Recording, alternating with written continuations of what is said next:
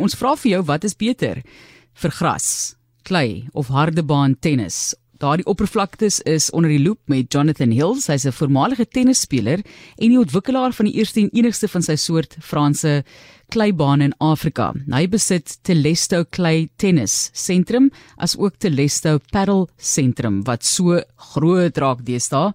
Ek hoor ouer mense kry maar beserings met paddle. Jonathan, ons moet op 'n stadium bietjie daaroor gesels. Ek sien dit is ook 'n ja, weer 'n ding. Ja verseker. Ja, bietjie van 'n van 'n meer stap stoot tipe van tennis wil ek amper sê, maar ons kan 'n ander dag ja. bietjie daaroor gesels, maar Jonathan, ek wonder altyd as dit kom by tennisspelers, nê, is dit 'n vaardigheid om op 'n sekere oppervlakte beter te speel? Of is dit meer 'n geval van dis waarmee jy groot geraak het en waarop jy gespeel het as jong persoon en jy's meer gewoond daaraan en ander oppervlaktes werk nie vir jou nie? Want ek weet in Suid-Afrika het ons dan sekerlik meeste van die tyd harde baan tennis gespeel as kinders op skool en so aan soos toe jy geleer het dis maar die die tipe van oppervlaktes gewees. Nou moet jy gaan Wimbledon toe en daar gaan rondgly op die gras soos ek sien Djokovic ook vroeër hierdie week gedoen het. Wat dink jy is dit? Is dit vaardigheid of is dit sosialisering? Dit is ehm um, al twee eintlik. Ehm um, 'n groot deel daarvan is waar jy groot word en waar jy, jy weet, geleer het tennis speel en jou jare spandeer het maar jy kry natuurlik spelers gewys wat dalk kom ons sê maar klein groot geword het of op 'n harde baan maar die langer ouens met die groot diene en groot voorhande jy weet na natuurlik gaan hulle het hulle 'n voordeel op die grasbane. Bo mense wat jy weet baie meer spin speel of meer jy weet konstant is en nie, nie daai groot eerste diene het waarmee hulle baie eis het. Nie so dis maar eintlik altyd kan dit wat was jou gunsteling Ehm um, ek is maar groot in die klei in die laaste paar jaar. Ehm um, of weet as gevolg nou ook van my eie betrokkeheid by die konstruksie van my kleibane so uh, dis my groot favourite op die oomblik. Baie meer intens, ehm um, baie meer fun op die klei rond te rond te gly. Ehm um, Ja. Baie meer baie meer pret. Ja nee. Hou van kanse vat. Ek dink dis ook waaroor dit gaan, maar kom ons praat Jonathan oor die voordele en die nadele. Jy het verwys daarna, maar vir die verskillende tipe spelers, waarna kyk mense in terme van voordele en nadele? Ehm, um, kyk, dit is 'n baie relatiewe vraag om te vra want dit is natuurlik baie uniek in elke speler. So, ehm um, kom ons sê die, die kom ons sê nou maar soos ehm um, weet Medvedev en John Isner en onlangs nou by Wimbledon raai um, Eubanks van Amerika so goed gedoen het. Hulle styl, weet die feit dat hulle langer is kan hulle baie harder sien. Ehm um, weet hulle dit bevoordeel die vinniger bane bevoordeel hulle. So obviously die vinnigste oppervlakte is Wimbledon die bal skiet baie meer van gras af as weet vergelyking met die harde bane of die klei bane. Ehm um, so en dan dis die vinnigste bane en die harde bane is 'n klein bietjie stadiger. So dit is natuurlik meer vir die jy kan sê die die ouens met die langer rallies soos Djokovic, Nadal, Federer wat jy kon sien elke punt is 10, 15, 20 houe. Jy weet natuurlik die klei is nog verder weg as daai kant. Dit is baie stadiger, baie langer punte, ehm um, baie meer kan ek sê dinkwerk betrokke want jy omdat jy nie so maklik kan denne slaan jy weet jou persentasie van eise en kushou en sulke goed is baie laag. So uh, daar is uh, die ek kan dit stel die um, die die denke en die opstel van punte is baie belangriker want jy moet jou op 'n baie meer uitoorlê as jy dit met krag kan oorheers.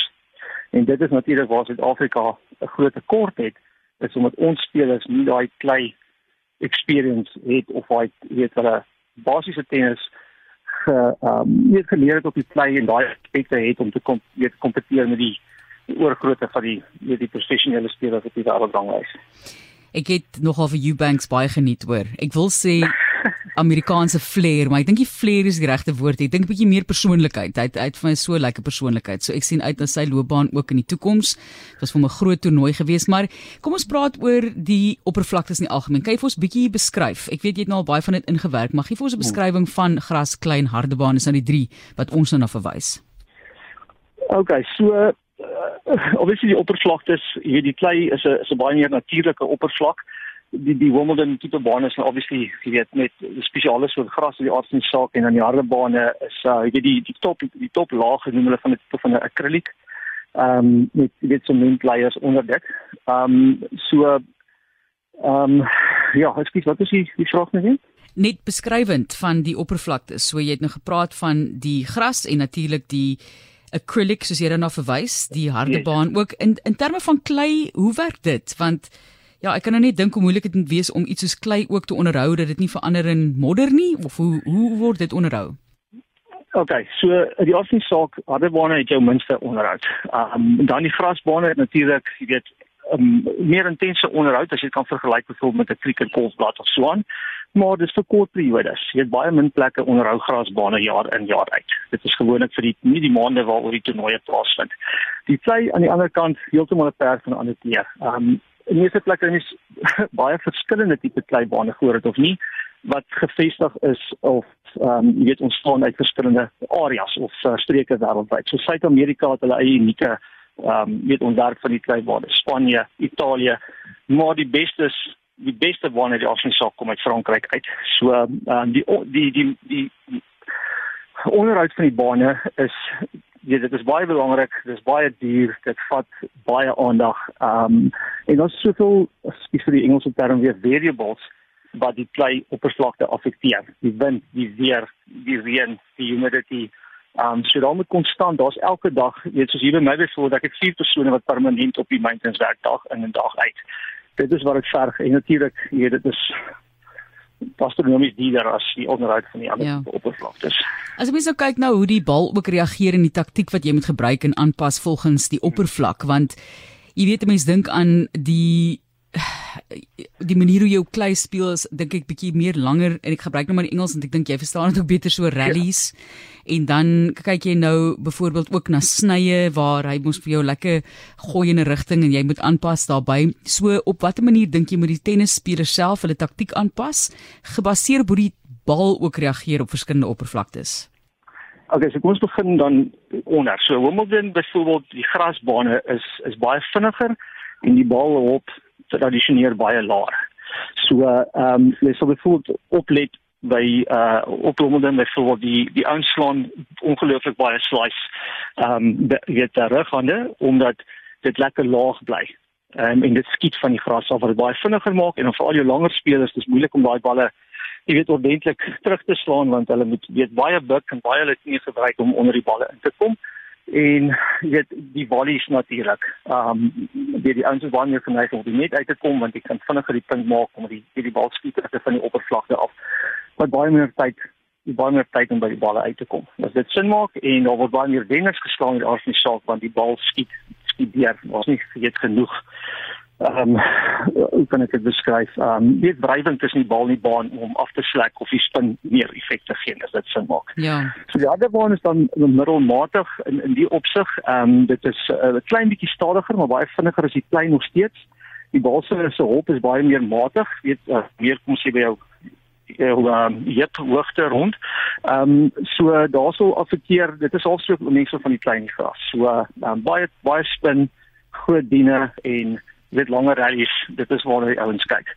En dan die klei baie stadiger. Ehm um, met die bal, weet die klei as die, as die bal op die klei hop, dan dan, dan is daar baie wrywing, so hy stop.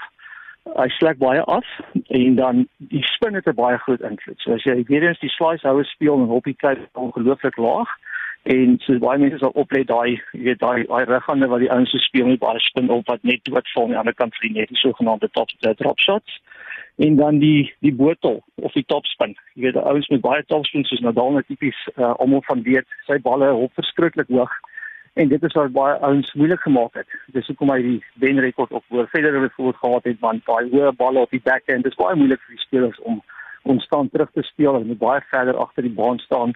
So daar's menigte verskille in taktieke wat die spelers en dan die tipe spelers weet met um, by aanpas soos soos hulle aanbeweeg na verskillende oppervlaktes.